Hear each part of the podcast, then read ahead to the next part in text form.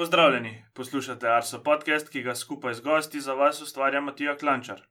V zadnji epizodi smo z Branetom Gregorčičem in Janezom Polajnarjem pregledali meteorološko in hidrološko leto 2018. Vabljeni tudi k poslušanju ostalih epizod. Danes v četrti epizodi se bomo prvič dotaknili dveh tem. Minuli teden, 9. januarja, je namreč minilo točno 10 let od najnižje neuradno izmerjene temperature v Sloveniji. Z gostoma Istokom Sinjurjem in Gregorjem Vrtačnikom bomo podoživeli mrzlo januarsko jutro leta 2009 in se malo pogovorili o mraziščih. Seveda pa ne moremo mimo aktualne teme, ki v zadnjih 14 dneh polni tudi naše medije. V drugem delu podcasta bo Blaž Ter osvetlil snežne razmere v Avstriji in Balkanu. Na začetku pa v svoji družbi pozdravljam Istoka Sinjurja, ki prihaja iz Gozdarskega inštituta Slovenije, in Gregorja Vrtačnika, našega stalnega gosta iz oddelka za podnebne analize. Pozdravljena oba. Zdaj, poslušalcem sem omenil že v uvodu, da se bomo vrnili deset let nazaj v preteklost in podoživeli tisto mrzlo jutro leta 2009 na začetku pa malce teoretičnega uvoda. Gregor, na kratko, res v dveh stavkih opiši poslušalcem, kaj sploh to mrazišče je. Mrazišče je tako grobo povedano vsako območje z zaprti, zaprtim reliefom, se pravi kotanj, neka kotanja, kjer se v jasnih in mirnih nočeh eh, zbira in še naprej ohlaja eh, zrak, tako da je temperatura v takšnih primerih precej nižja kot v okolici na podobni nadmorski višini. Um, bi lahko poslušalcem uh, razložil oziroma povedal, katero je najbolj znano slovensko mrazišče? Ja, verjetno za večino poslušalcev najbolj znano Babno polje, kjer pa tudi že več desetletij potekajo meritve, zato imamo o tem mrazišču tudi verjetno največ podatkov v Sloveniji. Isto, ti prihajaš iz Gozdarskega inštituta. Kako ste v bistvu sploh prišli ideje, da se boste ukvarjali z mraziščem? Je mogoče tudi povezano to še kaj iz tvojega področja? Ja, pravzaprav pred tistimi leti, sedaj to že 13-14 let nazaj, uh, je bilo glih na ključe. Uh, pravzaprav temu se lahko zahvalimo svetovnemu spletu, kjer smo se nekako najdli podobno misleči, oziroma uh, ljudje, ki so nas zanimali podobne zadeve. Uh, Drugač, to je čist ljubiteljsko, se je začelo in lahko rečem, da še zmeraj bolj ali manj ljubiteljsko traja. Čeprav se je v, v tem obdobju uh, že veliko uh, zgodilo, bomo rekli, vso to znanje, tudi meritve so se prenesle tudi na, službeno, službeno področje. Drugače pa je potrebno tukaj omeniti, da so se z pojmom razišča oziroma z meritvami v teh, na teh na takih lokacijah začele že ukvarjali že tudi pred nami, seveda z bolj enostavnimi metodami, tudi tehnika ni bila tukaj razvita, ampak so seveda hoteli v številkah predstaviti in ugotoviti, kaj se pravzaprav dogaja na takih uh, območjih in kaj pravzaprav to, uh, na kaj ima vse to vpliv. Uh, tako da mogoče tukaj omenimo teh strok, recimo geografe, ki imajo dober pregled nad, nekimi, uh, prostors, nad nekim prostorom, potem tudi uh, gozdarji, konec koncev, vse to v času oblikovanja uh, gozdno-gospodarskih načrtov uh, precej razvilo, uh, potem, ker so mogli pač uh, narediti nek popis stanja oziroma spoznati rastične razmere na določenih območjih, so seveda tudi naleteli na uh, mrazične lege. Oba vaju skupaj povezuje Slovenski meteorološki forum, združenje nekih ljubiteljskih meteorologov oziroma ljubiteljev vremena in z vremenom ostalih podobnih stvari. Uh, zdaj pa, kako ste pa na osnovi foruma prišli sploh do ideje, da se boste ukvarjali z mrazišči potem tudi naprej? Ja, tukaj uh, sam povod lahko rečem, da je bil uh, meritve, uh, takrat čist uh, slučajne, uh, kolega Mateja Ogrina, na Komni. Takrat je v marcu leta 2005 zabeležil minus 41 stopinj Celzija. Uh, no, ko je ta novica nekako prišla v to družščino, smo seveda uh, se nam je porajale številne ideje, kako bi to uh, spravili nekako v sistematične meritve. Uh, no, in tako se je pač začelo, da smo poskusno na, namestili nekaj termometrov že potem oktobra leta 2005 in nekako na večjih mestih uh, z decembrom 2005. Uh, lahko rečemo, da se je začela ta zgodba okoli mrazišč na komni. Vse odtlej, uh, seveda, potekajo neprekinjene meritve na različnih uh, lokacijah.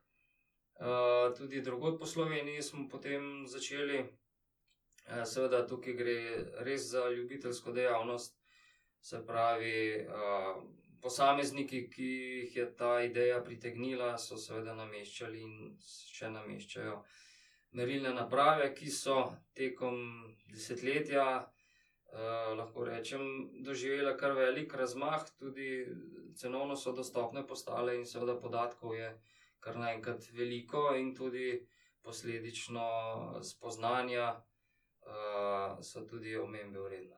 Gremo zdaj na tisti uh, dogodek iz noči iz 8. na 9. januar. Uh, vem, drugač, da ste takrat zelo na trnih spremljali celotno vremensko napoved, kako se bodo uh, stvari obrnile, ali se bo vse skupaj poklopil, uh, pa da ste se tudi v manjši zasedbi odpravili na komno. Gregor, kakšna je bila vremenska situacija takrat in kako blizu smo bili idealnim pogojem? Vremenska situacija je bila takrat kar precej uh, zanimiva.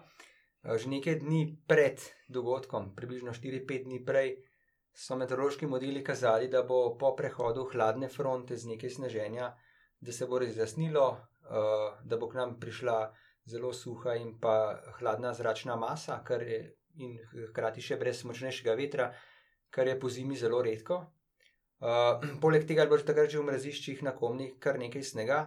In vse skupaj, ko smo vse skupaj recimo, sešteli, vse te eh, dejavnike, smo lahko že takrat slutili, da bo temperatura padla zelo nizko. Seveda pa napoved, če ni bila za nekaj dni naprej zelo zanesljiva, smo se pa kljub temu že začeli kar hitro pripravljati na uspon, da bi, vsaj, da bi neposredno doživeli ta mraz, če bo do njega prišlo, in pa tudi, da smo poskrbeli, da bodo merilne naprave res uh, izmerile za tisto, kar so bile namenjene. Uh, potem smo v 8. januarja, smo nekateri popovdne, štirje, uh, že um, prispeli v Bohin in se odpravili na Komno. Uh, zjutraj 9. januarja pa sta se pridružila še dva kolega iz Slovenskega meteorološkega foruma, tako da smo 9. januarja zjutraj ob tem rekordnem mrazu, uh, nas je bilo šest, ki smo doživeli ta izreden mraz. Sicer bo to le bolj tipično športno vprašanje, pa vendar, kako je bilo doživeti tako, tako nizko temperaturo? Mislim, drugač, da vsaj osebno mene ne vleče na tako nizke temperature. Ja, mraz je bil nekako takšen, kot so ga vajeni v kakšnih hladnejših predeljih Kanade ali uh, Sibiriji. Uh, precej nenavadno za, za naše kraje, da temperatura pade pod minus 40 stopinj Celzija, že minus 30 je v Sloveniji, vsaj tam, kjer je naseljeno, zelo redko.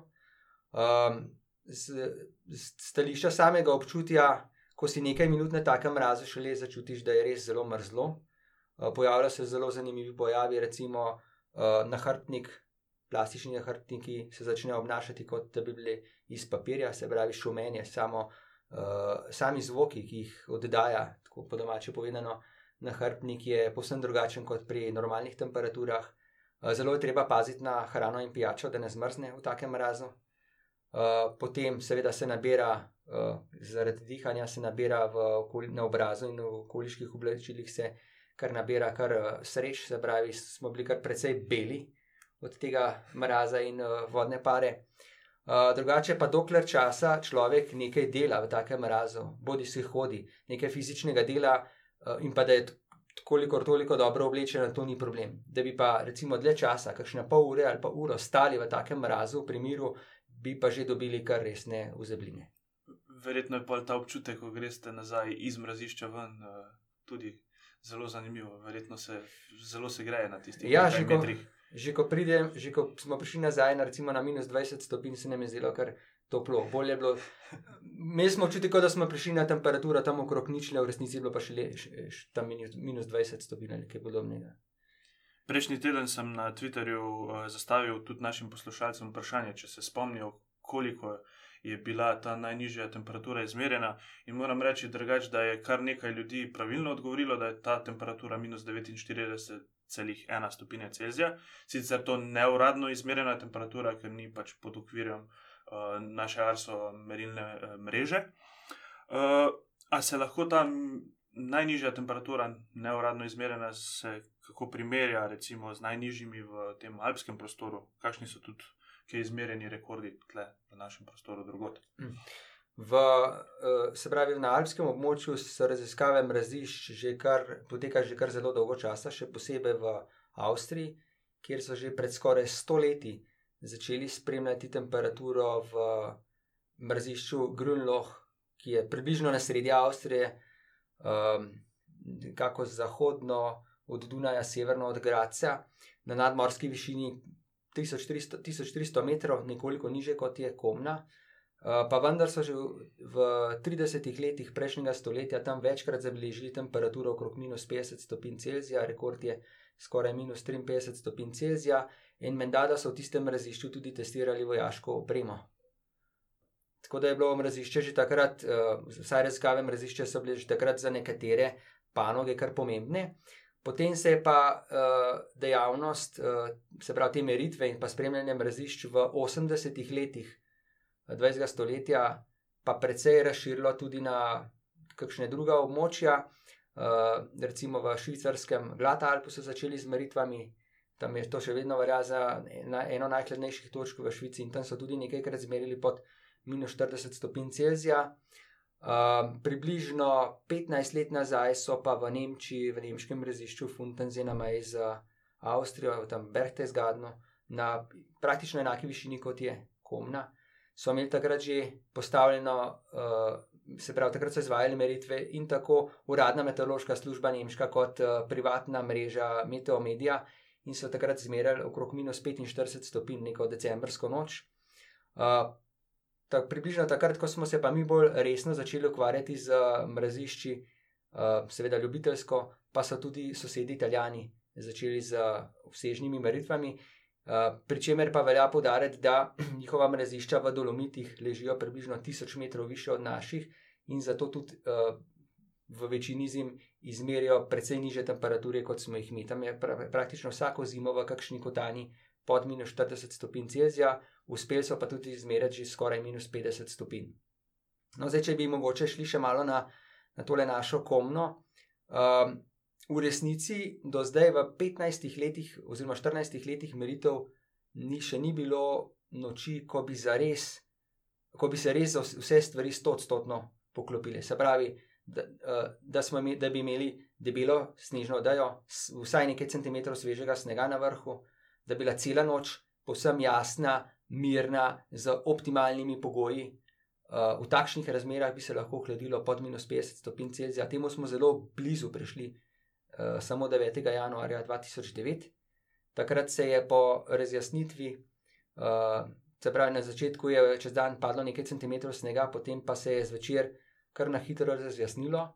Sicer takrat razmere za ohlajanje še niso bile res optimalne, ampak vendarle se je že do 8 ure zvečer ohladilo do minus 34 stopinj Celzija, se pravi, v nekaj urah se je temperatura spustila za več kot 20 stopinj Celzija, potem se je ohlajanje nadaljevalo še skozi vso noč, nekako do 5 ali 6 ure zjutraj, ko je bil dosežen pa minimum, minimum minus 49 stopinj Celzija. Za nekaj ur so bile razmere zares izredno dobre, potem je pa v višinah začel dotekati toplejši in pa uh, bolj vlažen zrak in se je temperatura hitro dvignila za nekaj stopinj Celzija. Ko smo mi prišli v mrazišče, nekaj po 8 uri, je bilo mrazišče še v senci, pa vendarle se je že segrelo na minus 43 stopinj Celzija. Je bil pa to vseeno zares izreden dogodek, ker od takrat naprej niti enkrat ni šlo pod minus 41 stopinj Celzija in ta noč je res ustaja v teh naših meritvah nekaj posebnega. Ja, ja tukaj bi lahko dodali, da mogoče po večjih uh, takih uh, temperaturno ali rekordno sušnih zimah na komni, uh, se je nekako obetal podoben mraz uh, lansko leto februarja. Uh, Na nas smo nekako uh, upali, da se bo zgodil. Uh, šli smo znova um, v to mrazišče, mrzlakomna. Pa vendar se je nažalost vsa vremenska situacija nekoliko časovno zavlekla, to se pravi, snežilo je uh, pozno v noč in potem še zjutraj, ko naj bi uh, bilo že ozračje suho, uh, je seveda bilo še vedno toliko vlažno, da nažalost ni bilo uh, novega rekorda. Takrat je bilo minus 38, uh, bilo je še nekaj megle, tako da nažalost ni šlo. Uh, kar nekako da vedeti, da pravzaprav tistih minus 49 stopinj uh, ni tako pogost pojav, uh, tako da je potrebno na te res ekstremno nizke temperature pri nas uh, pač čakati, verjetno več let v povprečju. Če se zdaj spet vrnemo teh deset let nazaj, takrat eh, tudi jaz se spomnim, da ste bili kar dobro ste odmevali, v bistvu vaše meritve so dobro odmevale tudi v medijih, mogoče s tem povezana kakšna anekdota, se spomni kdo. Ja, poročanje medijev je bilo sicer deloma kar korektno, nekateri mediji, ki pa niso bili pravzaprav kaj dosti seznanjeni z mrazišči, pa so stresali tudi kakšne zelo zanimive, uh, take precej gostilniške izjave. Recimo, da nekem makedonskem mediju uh, je pisalo, da je na pol zmrznjen vremenar v mrazišču, oziroma da tam na komni izmeril minus 49 stopinj Celzija. Uh, nekateri so takrat mislili, da je bila tako nizka temperatura izmerjena pri koči, oziroma pri domu na komni, dejansko pa to kar nekaj kilometrov stran. Uh, in gre za res neko tako majhno območje z zelo hudim mrazom. Takrat je bila na, na sami planoti izven mrazišč temperatura okrog minus 10 do minus 15 stopinj Celzija, kar samo priča o tem, kako izredne razmere so bile v posameznih kotanjah. Isto, se tudi ti, ki spomniš takšnega. Uh, ja, takrat, eh, ker je takrat tisti mraz zajel dobršen del uh, alpskega in srednje evropskega uh, prostora, je iz večjih krajev pri, so prihajale te novice, zlasti po uh, internetu. Uh, Tako da lahko rečem, da je bil tudi posluh uh, medijev velik za, to, za te novice. In tako da smo nekako izkoristili tisti čas uh, in seveda dobro spromovirali uh, ta dogodek, uh, na podlagi česar je seveda to poznavanje in uh, uh, zavedanje, da to se pri nas tudi dogaja in da ni to neka izmišljotina, uh, tako nizke temperature, seveda je nekako prišlo v zavest, in um, lahko rečem, da je to v bistvu nek doprinos k, uh, k znanju, uh, k splošnemu znanju. Uh, najlepša hvala za vajen povzetek uh, te res mrzle januarske noči in jutra, uh, in obilo uspehov pri, pri iskanju tega rekordnega minimuma tudi v prihodnje. Jaz verjamem, drugač, da z meritvami boste nadaljevali še naprej. Ali? Ja, hvala lepa. Eh, zdaj, v tem času, ko se eh, naprave eh, vse bolj izpopolnjujejo in so tudi cenovno dostopnejše, tudi mrazišča postajajo zanimiva, kot je že Gregor prej omenil, z stališča preizkušanja določenih naprav. Temu je še vedno tako, tako da zdaj trenutno na komni. Uh, so nastavljene naprave v sklopu zasebnega podjetja in tudi v sklopu Gozdarskega inštituta Slovenije, kjer, ki v bistvu ta območje oziroma te ekstremne razmere izkoriščamo za preizkus merilnih naprav in tudi za nadaljni razvoj uh, samodejnih merilnih naprav. Hvala obima še enkrat. Hvala. Lep pozdrav. Na našem podkastu bomo govorili tudi o aktualnih dogodkih. Z mano je Blaž Ter in dotaknila se bova zimskih razmer v Avstriji in še kje. Blaž, v prvem delu podcasta smo govorili o najnižji temperaturi, ki je bila kadarkoli izmerjena v Sloveniji.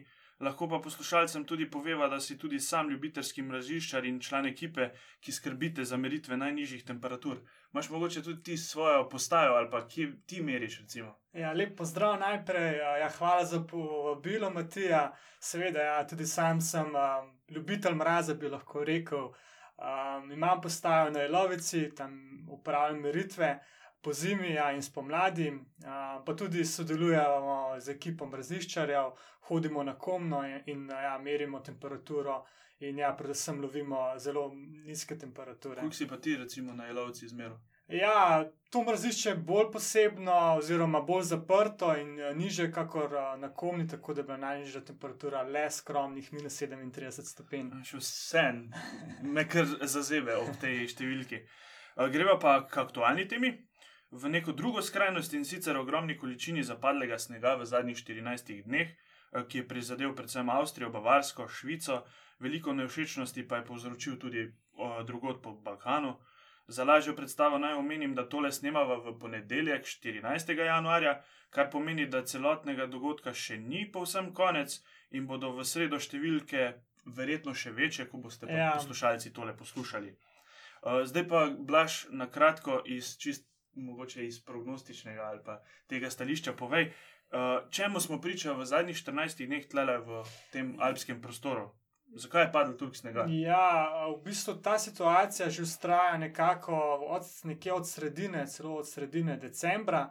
Uh, nekako nad Atlantikom imamo um, blokado toka, se pravi anticiklon, ki nekako preprečuje, da bi ta se vzpostavil splošen zahodnik, da bi potovali vremenski sistemi od zahoda proti vzhodu, tako da te vremenski sistemi dejansko potujejo ali nad sever Evrope in potem proti vzhodu, ali pa se gibljajo od severa Evrope, pa potem z močnim severnim vetrom proti jugovzhodnem jugo delu Evrope. Tako da, ja, to je posebnost, taka situacija je neobičajna, uh, zlasti če ustraja toliko časa. Um, običajno uh, ta blokada uh, je ustrajna mogoče teden dni, 14 dni, ne pa um, celo 4 tedne, kako je sedaj. Mhm. Zdaj pa, kako debeli snežni odeji sploh govorimo? Koliko snega je sploh zapadlo zdaj v zadnjih? Ja, um, v Alpah je seveda količina snega precej različna. Tako da, če gremo recimo na avstrijsko koroško, bo, so količine podobne kot pri nas, ampak takoj, ko se dvignemo recimo proti severnemu, glavnemu grebenu Alp. Ta količina izrazito naraste, tako da je recimo nad višino 1500 metrov snega, tudi, tudi nad 4 metre. Uh, ja, in večina tega snega je padla v zadnjih 4 tednih. Um, veliko snega je pa tudi, uh, tudi na Bavarskem, pa tudi v Švici, nad recimo 1000 metrov je snega okoli 1 meter, uh, kar je za te, za te uh, kraje kar precej. Um, je pa po nižinah uh, snega manj, recimo v Innsbrucku je v um, soboto zapadlo do 45 cm snega, potem je deževalo, tako da ja, po nižinah je dež nekako uh, zmanjšal to snežno odejo, oziroma se je ta sesedla, marsikaj je sneg tudi pobralo. Verjamem, drugač, da tudi veliko poslušalcev čaka na neko snežno odejo, uh, tudi pri nas. Kje je razlog, da smo v Sloveniji v letošnji zimi dobili le nekaj snežnih ploh, pa ne konkretne snežne odeje? Recimo tudi na Krederci so ja, zimske razmere daleč od idealnih. Ja, snega je res malo, zlasti v gorah je um, snega um, skoraj da rekordno malo. Uh, razlog pa je prav to, ta ustrajna, ustrajni sever, severni tok uh, zaradi um, Alp, dejansko uh, gorske verige Alp, um, se ta zrak spušča na naši strani, ja, padavine se sušijo. Uh, tako da te um, fronte, ki potujejo preko Alp, nekako nimajo na nas velikega vpliva. Uh, Sicer se recimo oblačnost zgosti v srednjih in višjih slojih ozračja, ampak to je premalo, da bi iz te oblačnosti nastale padavine. Tako glavna stvar je to, da se ta te, zrak preko Alp na južni strani spušča in suši. Mogoče je zdaj čisto eno kratko pogled v prihodnost, kratkoročno. A se že zdaj kaj dogaja, se že kaj spremenja, ta tip vremena, um, mogoče pričakujemo tudi danes, danes se še ne spremenja, ampak ja, v sredo pričakujemo, da se bo ta blokada nad Atlantikom, ki je Avstralija toliko časa nekako umaknila, oslabila in s tem bodo zapihali tudi v višinah bolj zahodni, jugozahodni vetrovi. Um, s tem vetrom pa dobimo več vlage tudi pri nas, tako da vsaj možno za padavine, se, oziroma četrtek bodo nastale padavine, potem pa tudi v nadaljevanju tedna pričakujemo bolj uh, vlažen tip premena, sprva uh, bo razmeroma toplo po nižinah, uh, tako da bo snežilo le v hribih, potem pa nekako, um, nekako ob koncu tedna pa se bo hladilo, tako da se tudi po nižinah bo povečala možnost za sneženje, vendar ne uh, zaradi težko je predvideti, predvideti pot sredozemskih ciklonov, ki nastanejo ob takih situacijah, tako da bomo morali še kakšen dan počakati za natančnejšo napoved. Ja, ne še enkrat omenjava, da tole snimava v ponedeljek, tako da pač je zdaj prognoza za 1-4-5 dni. Ja, ja, ja, res je. Ja, tako da bomo videli, no, kaže na vsaj na, na, na hladnejšo vreme, uh, za sneg pa več v, v prihodnjih dneh. Mogoče, če greva zdaj še na ta zadnji dogodek, to ogromno količino snega, kaj lahko iz stališča meteorološke službe uh, naredimo kot opozorilo pred ogromno količino snega? Ja, mi se posebno trudimo čim bolj natančno napovedati, koliko snega bo padlo, uh, pa tudi časovno, kdaj bo začelo snežiti, kdaj bo konec padavin. Um, potem pa, ko je sneg enkrat eh, na tleh, je pa uh, dejansko to delo um, lavinske službe, se pravi službe um, za nevarnost um, pred snežnimi plazovi. Uh, ta se ukvarja pa potem z stabilnostjo snežne oddaje, ali, je, um, ali se bodo prožili slučajno snežni plazovi. Uh, to predstavlja potem po, po takšnem sneženju, kako je sedaj v Alpah, glavna nevarnost. Tako da uh, predvsem v Alpah, kjer je veliko obiskovalcev, visoko v Alpah, v Avstriji, recimo, ko je veliko smočarjev, je to potrebno posebno izpostaviti, zlasti, ko pa je toliko snega, kot ga je sedaj. Če se ravno navežem na tvojo zadnjo to trditev, ne, glede nevarnosti snežnih plazov in smočarjev in to. Lahko tudi omeniva, da, rgač, da je zdaj zadnje poslabšanje samo v Avstriji vzelo že 13 življenj, in pa število smrtnih žrtev zaradi snežnih razmer po Evropi se je povzpelo na najmanj 24, kar je pač zaradi uh, same vremenske ujme oziroma vremenskih dogodkov to kar ogromna številka. Um, ja, zato tudi upozarjamo. Um, ja, tako, tako, to je drugačna ja, naša poglavitna ja, naloga. Res, ja. Uh, Blaž, prišla smo do konca, danes sicer malo daljša epizoda kot običajno, vendar verjamem, da ste slišali veliko zanimivega. Ja, hvala no, za povabilo, pa ja, upam, da bo čim prej snežilo, ampak da ne bo toliko snega, kot v Alpah. Vse komentarje, pohvale, pripombe in predloge nam lahko sporočite na elektronski naslov podcast.arso.afnago.si. Prav tako nas lahko najdete na družabnih omrežjih, na Twitter profilu MeteoSi in Facebook strani Arso Vreme. Da ne boste zamudili novih epizod, se na podcast lahko naročite preko telefona v svojem podkastu odjemalcu. Za vas smo pripravili tudi video, kako se naročiti na ta podcast. Pustite nam kakšno oceno na Apple Podcasts, da bodo za nas slišali tudi ostali. Da se bo naša beseda širila, pa nas priporočite k poslušanju svojim prijateljem, sodelavcem in znancem. Hvala za poslušanje in pozornost, obilo lepega vremena do naslednjič in se slišimo čez 14 dni.